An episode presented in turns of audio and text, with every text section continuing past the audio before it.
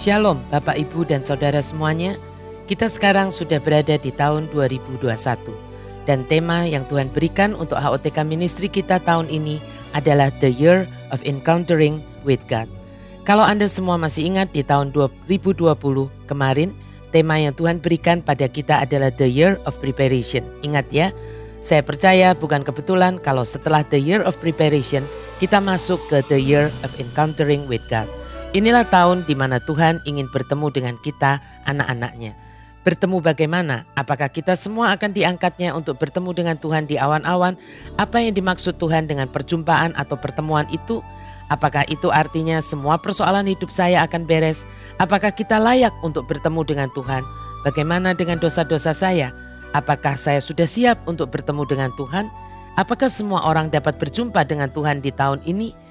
Dan mungkin masih sekian banyak pertanyaan lagi yang muncul di hati Anda saat mendengar This is the year of encountering with God. Semuanya akan Anda dapat pahami saat nanti Anda mengikuti sesi-sesi dari HOTK Ministries di sepanjang tahun 2021 ini. Untuk itu, jangan sampai Anda lewatkan satu sesi pun yang akan dimulai dari sesi pertama di 15 Januari 2021. Selamat menikmati kebenaran firman-Nya dan mari tetap melekat pada Tuhan karena hanya dialah sumber kekuatan dan pengharapan kita yang sejati. Shalom, selamat malam Bapak Ibu Saudara. Kita kembali bertemu lagi masih di dalam serial Before Christmas. Uh, sebelum kita ke year end celebration dan untuk Natal juga ya. Nah, mari kita satukan hati dulu di dalam doa. Kita mau teduhkan diri kita, hati kita di hadapan Tuhan. Demi nama Bapa, Putra, dan Roh Kudus. Amin. Bapa Surgawi, Bapa yang kami kenal, kami sembah di dalam Yesus Kristus Tuhan kami. Kami bersyukur Tuhan untuk malam hari ini. Terima kasih untuk kesempatan yang indah ini. Kami boleh kembali duduk dekat kakimu. Kami boleh kembali Tuhan untuk mendengarkan semua kebenaran-kebenaran yang sangat perlu untuk hidup kami. Biar Tuhan malam hari ini kami mengerti artinya uh, memiliki mimpi bersama-sama dengan Tuhan. Dan biar Engkau yang berbicara di kedalaman hati kami. Tuhan yang bangunkan apa yang menjadi iman kami yang mungkin sudah mulai mau redup. Biar Tuhan sulut kembali malam hari ini dengan kebenaran firman-Mu. Karena kami percaya yang berasal darimu itu yang akan menumbuhkan buah-buah kebenaran di dalam hidup kami. Terima kasih Tuhan Yesus. Di dalam namamu yang mulia itu kami menyerahkan hidup kami, kami menyerahkan jam persekutuan kami ini, dan kami percaya kami mendapatkan yang dari Tuhan. Mari semua yang percaya katakan amin. Demi nama Bapa, Putra, dan Roh Kudus. Amin. Iya, kita masih menyambung kisah tentang Zakaria dari Jumat yang lalu. Ya, setelah Zakaria itu menyelesaikan tugasnya selama beberapa minggu ya karena itu dapat giliran memang dia yang harus bertugas di Bait Allah beberapa hari lagi sorry di dalam minggu tersebut, maka sekarang dia itu sudah waktunya akan kembali ke rumahnya di Hebron ya. Dia harus menempuh perjalanan sekitar kalau uh, apa sekarang itu kalau di Alkitab sering kali pakai mil ya, tetapi ini 30 km dari Yerusalem menuju ke Hebron di mana Zakaria itu tinggal. Dan dan kali ini perjalanannya ini terasa begitu lama buat Zakaria. Kenapa? Karena dia sudah sangat-sangat tidak sabar ingin bercerita, ingin bercerita. Kenapa pakai tanda kutip? Karena dia nggak bisa ngomong ya. Ingin bercerita kepada Elizabeth istrinya tentang pengalamannya bertemu Gabriel dan segala yang disampaikan oleh malaikat tersebut kepadanya. Zakaria sudah menulis sebuah surat. Ya, menulis sebuah surat untuk Elizabeth yang dia simpan hati-hati uh, sekali di dalam kantong bajunya. Dia merasa sangat tegang sepanjang perjalanan tersebut karena dia tidak dapat menebak bagaimana kira-kira nanti wajah Elizabeth waktu membaca surat yang ia tulis itu. Sakaria berharap dirinya dapat berbicara karena pastinya kalau begitu dia akan sangat lebih mudah untuk dia menjelaskan semuanya kepada Elizabeth. tapi ia tahu itu tidak akan terjadi. Mengapa aku masih bertanya dan meminta tanda kepada Gabriel? Bukankah kemunculan seorang malaikat Tuhan yang sedemikian spektakuler itu adalah satu tanda yang lebih dari cukup? Zakaria seperti menyesali semua sikapnya saat Gabriel menemuinya di bait Allah kemarin. Dan juga kebisuanku ini adalah bagian dari terbuktinya bahwa apa yang Gabriel katakan adalah benar. Dan pastinya janji yang diucapkannya kepadaku itu juga benar adanya.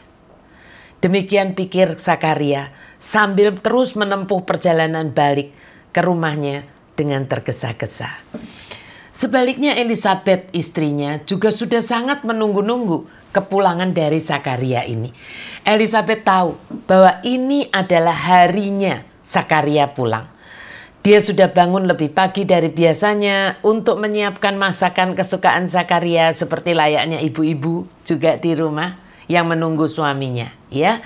Hati Elizabeth begitu diliputi sukacita yang amat sangat karena walaupun mereka tidak memiliki seorang anak pun, namun Zakaria itu sangat mengasihi Elizabeth. Demikian pula sebaliknya. Elizabeth juga sangat mengasihi dan menghormati suaminya ini. Dan sejujurnya, sikap Zakaria yang tetap mengasihinya ini, walaupun dia tidak dapat melahirkan seorang anak, inilah yang setiap kali menguatkan hati Elizabeth. Mengapa Bapak Ibu Saudara? Karena di zaman itu tidaklah mudah hidup sebagai seorang perempuan yang mandul. Karena kemandulan pada zaman itu dianggap sebagai sebuah aib, bahkan sebuah kutukan dari Tuhan oleh banyak orang. Walaupun Elizabeth masih memiliki impian untuk mempunyai seorang anak di hatinya, yang paling dalam. Namun bara api mimpi tersebut makin lama makin redup. Hanya tinggal seperti sebuah lilin kecil yang hampir-hampir padam. Elizabeth hanya menyimpan nyala kecil itu jauh-jauh di dasar hatinya. Jangan sampai ada orang yang tahu. Nanti hanya malu yang mereka dapatkan. Dan setelah impian tersebut diistirahatkan selama bertahun-tahun, it was an impossible dream now. Sudahlah, buat apa dipikirkan terus? Toh aku sudah semakin tua, begitu pikir Elizabeth. Dan tiba-tiba dia mendengar langkah kaki seseorang memasuki rumahnya. Langkah kaki yang sudah sangat-sangat dia hafal dan Elizabeth segera keluar dari dapur untuk memastikannya. Benar, suaminya yang sudah ia tunggu-tunggu sekarang ada di hadapannya. Elizabeth segera menghambur ke pelukan Zakaria dan dia sudah sangat merindukan suaminya dan juga sangat-sangat menunggu-nunggu apa yang Zakaria akan ceritakan tentang pengalamannya masuk ke bait Allah. Namun setelah membantu Zakaria melepaskan jubahnya, Elizabeth merasakan ada yang berbeda nih dengan suaminya. Kenapa? Satu patah kata pun tidak keluar dari mulut Zakaria. Ada apa ini? Tapi sebelum istrinya bertanya, Zakaria segera mengeluarkan dari sakunya sebuah gulungan papirus Papirus itu seperti ini. Ya, dan diulurkan ke Elizabeth. Ini bukan kertas, ya. Ini papirus. Ini saya beli di Israel waktu itu. Ya, ini papirus. Seperti apa ya? Seperti dari kayak pelepah pisang tapi dikeringkan, ya. Ini namanya uh, papirus, ya. Zakaria mengeluarkan satu gulungan. Biasanya ini digulung. Ini ada gulungannya kan? Ini untuk menggulung gitu ya gulungan papirus dari saku bajunya dan diberikannya kepada Elizabeth. Surat untuk aku, dari kamu. Apa maksudnya ini? Mengapa kamu nggak bicara langsung aja Zakaria? Mengapa kamu diam saja Zakaria? Elizabeth sangat heran karena ini adalah hal yang tidak biasanya dilakukan oleh suaminya Zakaria. Zakaria memberi isyarat supaya istrinya ini duduk dan ia pun duduk di hadapan istrinya. Masih dengan isyarat, Zakaria menyuruh Elizabeth untuk segera membuka surat tersebut dan membacanya. Elizabeth pun segera membuka gulungan papirus tersebut dan membacanya dalam hati. Dan tiba-tiba dengan sangat terkejut dia bertanya, "Seorang anak untuk kita. Tapi kan kan kita sudah tua Zakaria." Zakaria memberi isyarat agar Elizabeth melanjutkan membaca seluruh isi suratnya tersebut. Elizabeth membaca dengan lebih cepat sekarang. Dan waktu wajahnya kembali menatap Zakaria, terlihat air mata deras mengalir di pipinya. Aku punya mimpi, Zakaria, untuk dapat memberimu seorang anak laki-laki. Dan dia melanjutkan dengan suara berbisik. Dan aku pikir aku telah melihat matinya mimpiku itu. Tapi aku sungguh-sungguh percaya semua yang kamu lihat dan kamu dengar adalah dari Tuhan Zakaria. Siapa dari kita yang juga pernah punya mimpi tentang satu hal, tentang suatu hal, namun karena menunggu sangat lama, seolah tidak ada tanda-tanda mimpi tersebut akan terjadi, maka kita pun berpikir seperti Elizabeth bahwa mimpi tersebut sudah mati. The impossible dream. Jangan malu. Mari tulis saya di live chat Anda. Supaya nanti kita bisa sama-sama berdoa di akhir sesi ini. Ya. Kita lanjut lagi. Sakaria merengkuh Elizabeth ke dalam pelukannya. Dia masih memiliki cinta dan kedekatan yang sama terhadap istrinya ini seperti tahun-tahun yang telah lewat. Namun hari ini dengan pengharapan yang baru. Harapan seperti saat mereka masih muda dulu. Harapan bahwa mereka pasti akan memiliki seorang putra. Walaupun tidak dapat bicara, namun air mata bahagia tak dapat ia bendung, mengalir turun deras ke pipinya. Dia mulai merasakan memiliki kembali harapan yang selama bertahun-tahun. Lalu ia pikir dia tidak akan pernah bisa memilikinya lagi. Dan tiba-tiba Elizabeth istrinya berkata, Jauh di lubuk hatiku Sakaria, selalu ada bara kerinduan untuk memiliki seorang putra. Aku pikir bara itu akan bisa tetap hangat oleh nyala keinginanku sendiri. Itu adalah mimpiku yang aku simpan secara rahasia karena aku tahu tak mungkin aku membuka mimpi tersebut di depan umum.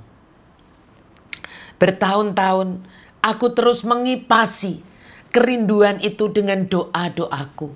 Sampai akhirnya bara api itu begitu besar dan aku harus menerima kenyataan bahwa seolah bara itu harus aku matikan.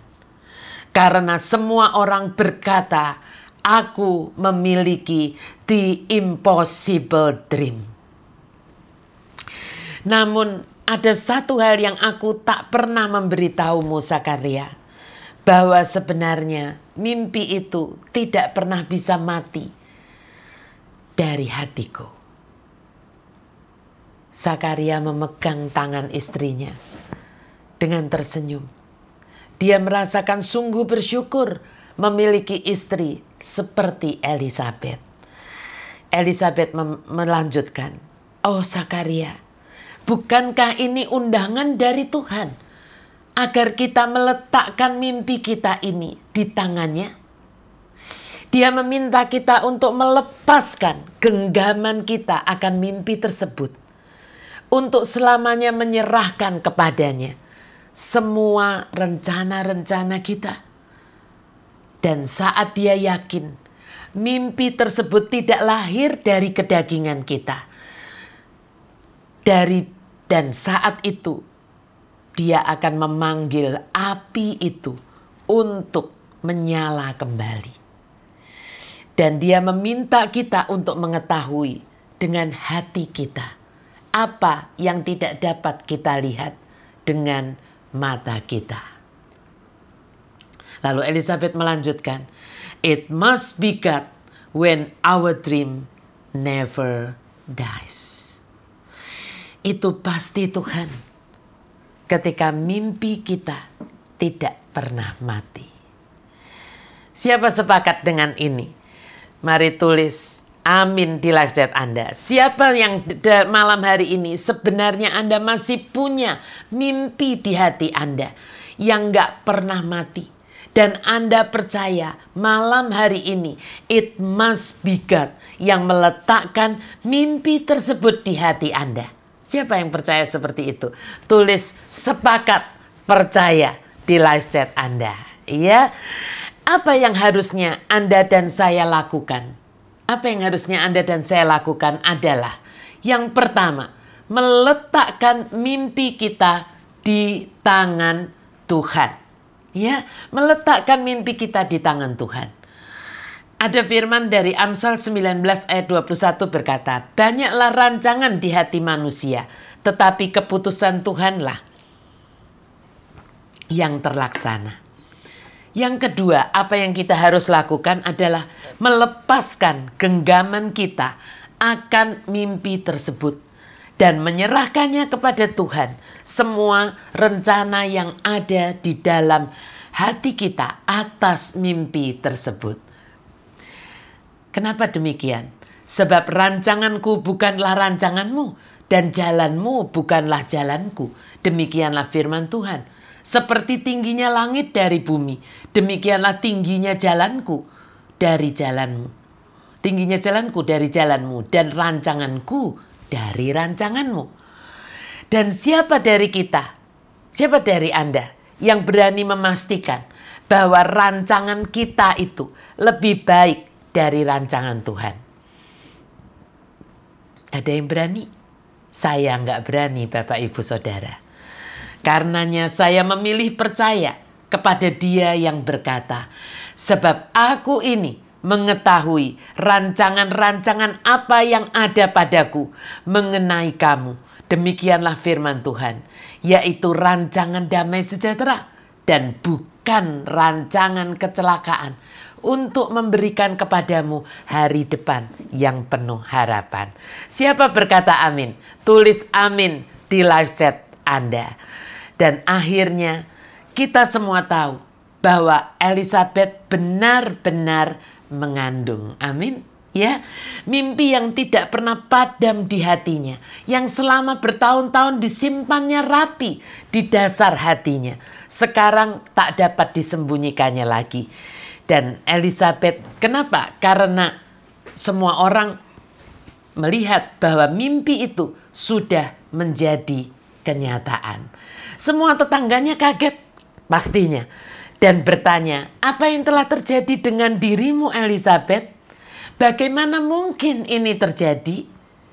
Dan Elizabeth hanya tersenyum manis dan berkata, "For with God, nothing will be impossible."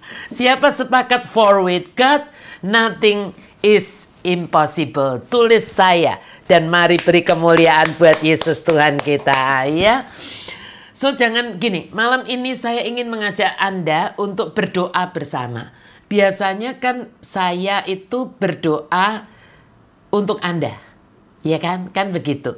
Tapi malam hari ini ada sesuatu yang berbeda. Saya ingin untuk Anda semuanya berdoa bareng sama saya, tapi setelah nanti uh, kita nyanyi lagu Semua Baik ya bersama dengan saya dan Pak Gana.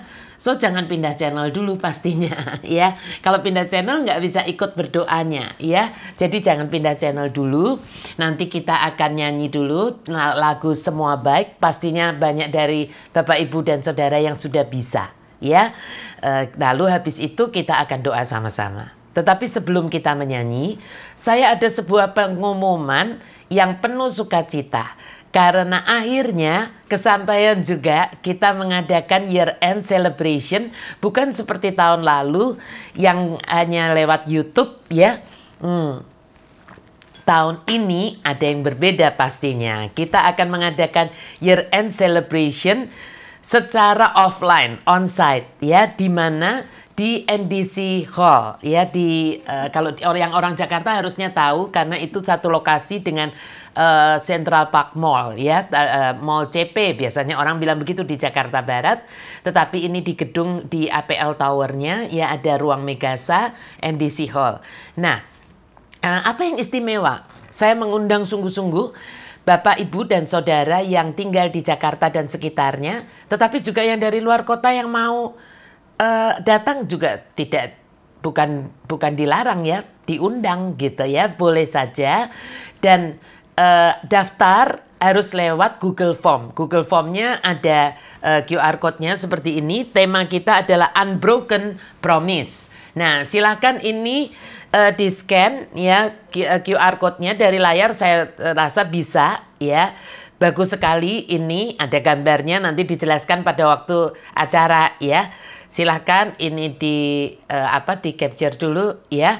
Nah, selain ini ibu-ibu, bapak dan saudara semuanya juga bisa membuka di Spotify kita untuk mendengarkan lagu-lagu yang nantinya akan dinyanyikan sama-sama pada acara tersebut. Jadi sudah bisa belajar dulu supaya nanti nggak bengong gitu ya.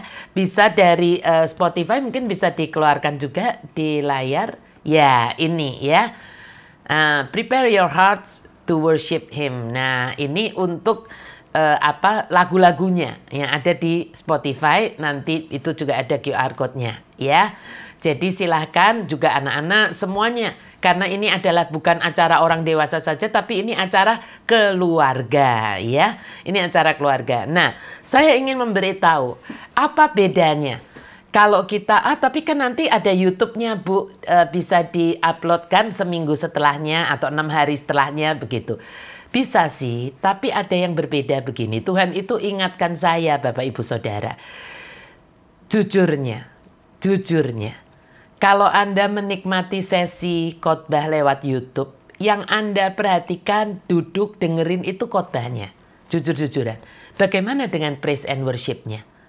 Saya hampir pastikan jarang yang sungguh-sungguh ikut praise and worship, angkat tangan seperti itu, jarang. Mungkin waktu praise and worship dinaikkan Anda masih siapin makan malam, ya kan?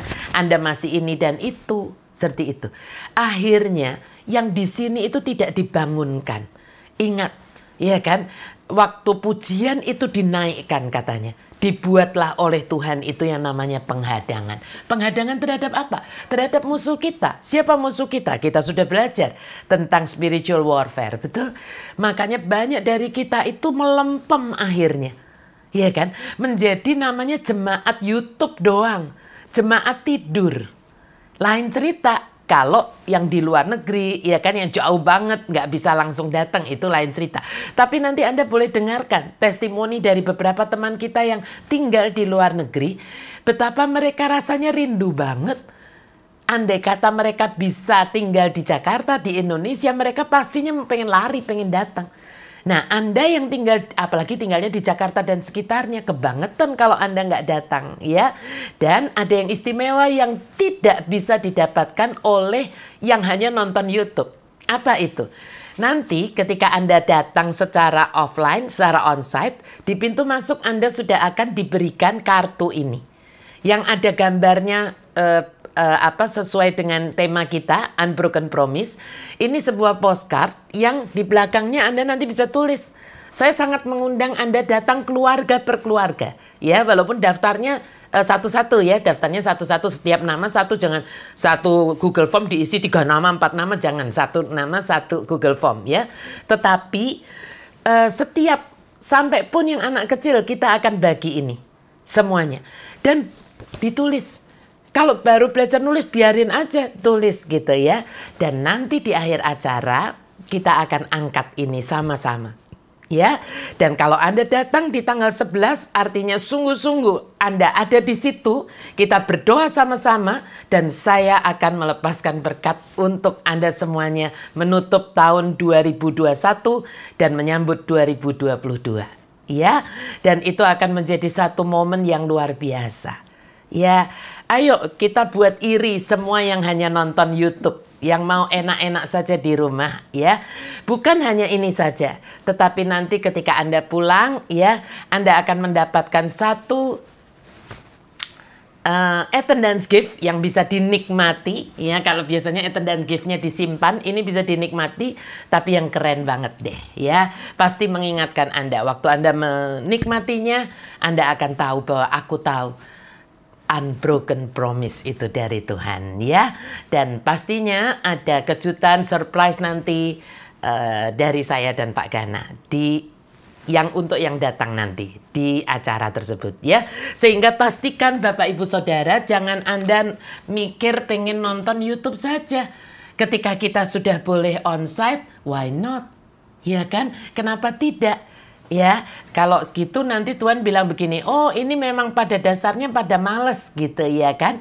Ya udah nggak usah dikasih bisa begitu. Kita bersyukur ya Indonesia ini sudah bagus banget penanganan COVID-nya dan kita terus berdoa supaya makin bagus dan akhirnya menjadi endemi di tahun depan ya. Tetapi di tanggal 11 Desember itu kita percaya, kita perkatakan bahwa itu adalah waktu yang bukan sekedar untuk temu kangen, tetapi waktu untuk kita deklarasi bersama-sama, untuk kita berdoa bersama-sama dan sungguh-sungguh kita akan bangun kembali yang namanya bara api yang mungkin sudah hampir-hampir redup di hati kita karena harus sesinya offline terus. Eh on on online terus ya. Oke ya Bapak Ibu Saudara saya tunggu Anda di tanggal 11 walaupun kita masih ada satu lagi uh, sesi before Christmas tetapi saya sungguh-sungguh mengencourage Anda semua untuk segera daftar Google Form. Rasanya semua pengurus dari HOTK Women dan HOTK Youth sudah daftar duluan ya. Tetapi Anda semua jangan ketinggalan silahkan. Uh, mari kita sama-sama e, merasakan sesuatu yang sudah dua tahun ini kita nggak rasakan. Amin ya Bapak Ibu. Semoga kerinduan saya juga adalah kerinduan hati Anda yang saya tahu pasti itu juga kerinduan Tuhan. Mari sekarang kita nyanyi bersama-sama sebelum kita nanti berdoa bersama-sama. Mendoakan uh, sesuatu yang luar biasa tentang impian kita. Mari nyanyi bersama saya dan Pak Gana. Ya. Yeah. Sebelum kita menyanyi, saya ingin membacakan ayat dari Yakobus 1 ayat 17. Tuhan tiba-tiba ingatkan saya ayat ini. Setiap pemberian yang baik dan setiap anugerah yang sempurna datangnya dari atas, diturunkan dari Bapa segala terang. Padanya tidak ada perubahan atau bayangan karena pertukaran. Amen. Every good and perfect gift is from above ya. Amin. dan Tuhan itu merencanakan semua yang baik ya buat kehidupan kita. Lagu ini sebetulnya seperti kita memperkatakan kan firmannya berkata hidup dan mati itu dikuasai lidah ya. Siapa suka menggemakannya memakan buahnya. Nah malam hari ini kita mau menggemakan bahwa dari semula itu Tuhan sudah menetapkan hidup kita itu ada di dalam tangannya, di dalam rencananya. Dan rencananya itu indah yang dia sudah siapkan buat kita bagi masa depan kita dan masa depan itu penuh harapan sehingga hmm. kita mau memperkatakan berdasarkan Yakobus 1 ayat eh, uh, 17 ini adalah bahwa semua itu baik ya semua baik berasalnya dari Tuhan. Yuk kita mau perkatakan pada jiwa kita ini karena sudah terlalu lama ya mungkin di masa pandemi ini banyak dari kita itu yang kita keluar dari mulut kita itu keluhan kerutuan, komplain gitu ya.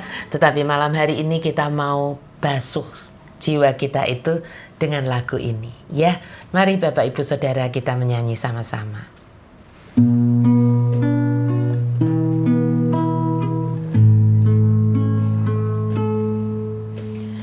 Dari semula telah kau tetapkan Hidupku dalam tanganmu Dalam rencanamu Tuhan.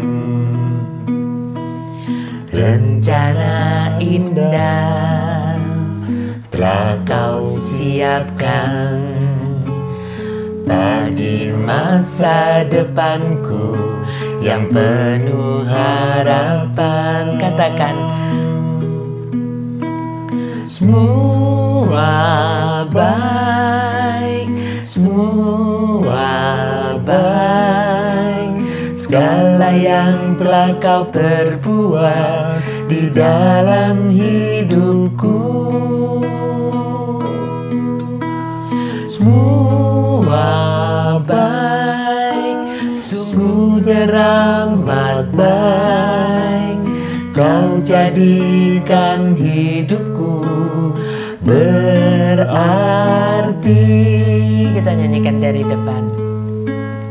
Dari semula telah kau tetapkan Hidupku dalam tanganmu Dalam rencanamu Tuhan.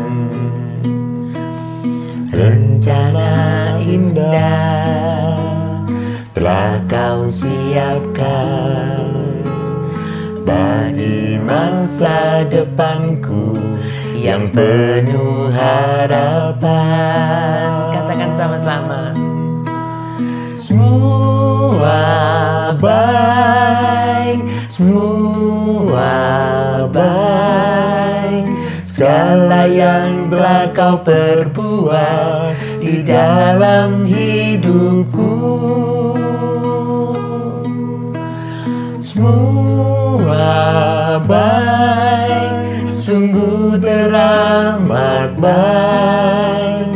Kau jadikan hidupku berarti. Yuk katakan sekali lagi untuk jiwa kita semua baik. Semua baik, semua baik. Segala yang telah kau perbuat di dalam hidupku.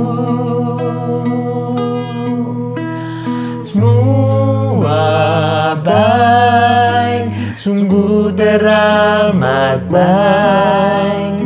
Kau jadikan hidupku berarti.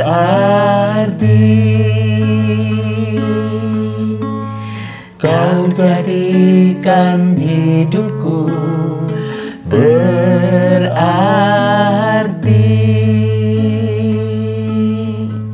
Sekarang kita mau sama-sama berdoa. Doanya ada di layar ya. Jadi bukan saya yang mendoakan Anda, tetapi kita mau sama-sama berdoa. Kita mau sehati sepakat untuk berdoa supaya Tuhan mendengar doa kita ini ya. Dua orang yang bersehati bersepakat katanya mendoakan sesuatu Tuhan akan mendengar dan mengabulkannya ya. Yuk kita sama-sama berdoa. Tuhan Yesus seperti Elizabeth Aku juga punya mim satu mimpi yang belum terwujud. Malam ini aku menyerahkan mimpi ini kepadamu. Karena kalau mimpi ini bukan yang kau maui, bukan darimu, ambillah saja mimpi ini dari pikiranku dan hatiku. Hapuskan saja Tuhan dari diriku.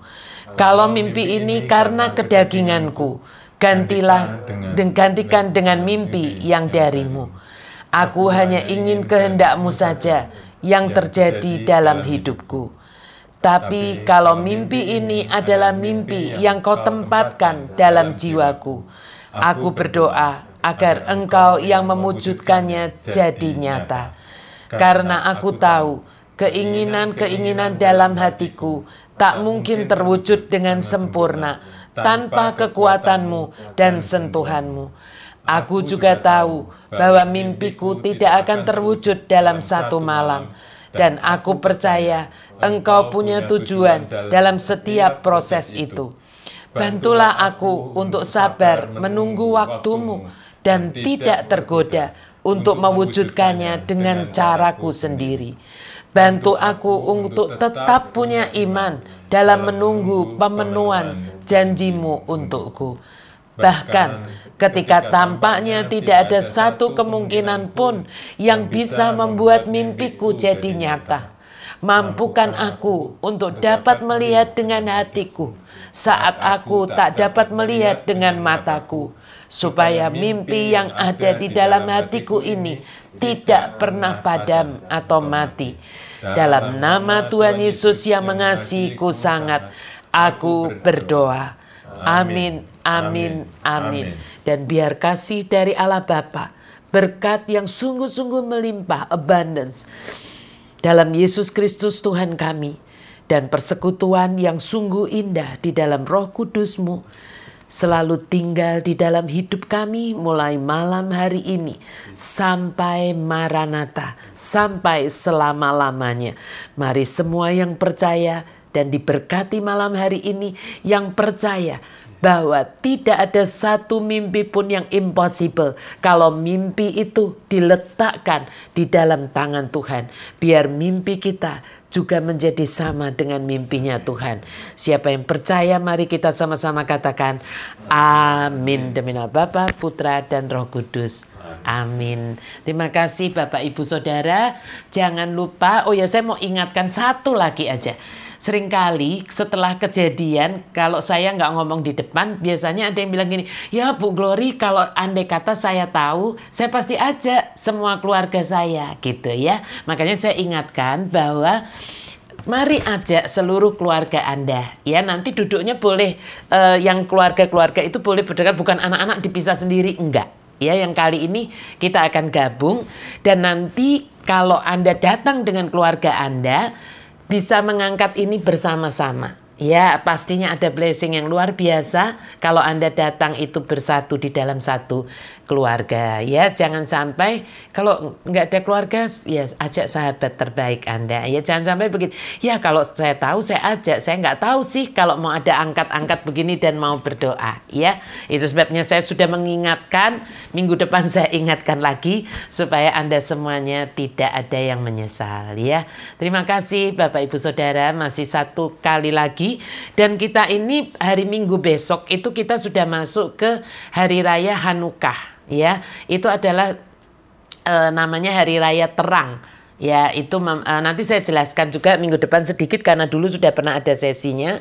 Ya, yang ada lil, e, apa bukan lilin ya, tetapi ada delapan itu dirayakan sampai delapan malam. Jadi tanggal tiga itu kita masih di dalam raya e, di dalam rangka hari raya Hanukkah. Ya, jadi kita bersyukur pasti uh, tidak salah bahwa kita sedang merayakan hari raya Sang Terang ya. Oke, terima kasih Bapak Ibu, terima kasih semuanya. Semoga weekend Anda menjadi weekend yang diberkati bersama dengan Tuhan Yesus. Terima kasih, Tuhan Yesus memberkati.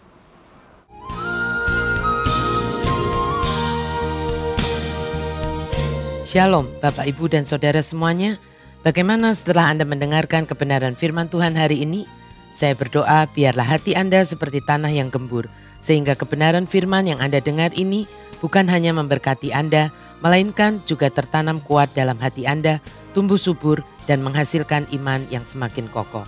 Sehingga apa pun yang Anda harus hadapi sepanjang tahun ini, Anda akan tetap teguh berdiri, seperti rumah yang dibangun di atas dasar batu karang yang teguh. Dan jika Anda merasa diberkati dengan kebenaran firman ini, jangan lupa follow Spotify HOTK Indonesia dan bagikan juga kepada teman, saudara, dan keluarga Anda yang lain. Dengan melakukan itu, Anda telah menjadi garam dan terang bagi sesama, seperti yang Tuhan minta untuk kita melakukannya. Terima kasih, sampai jumpa di sesi-sesi khotbah saya berikutnya. Tuhan Yesus memberkati Anda.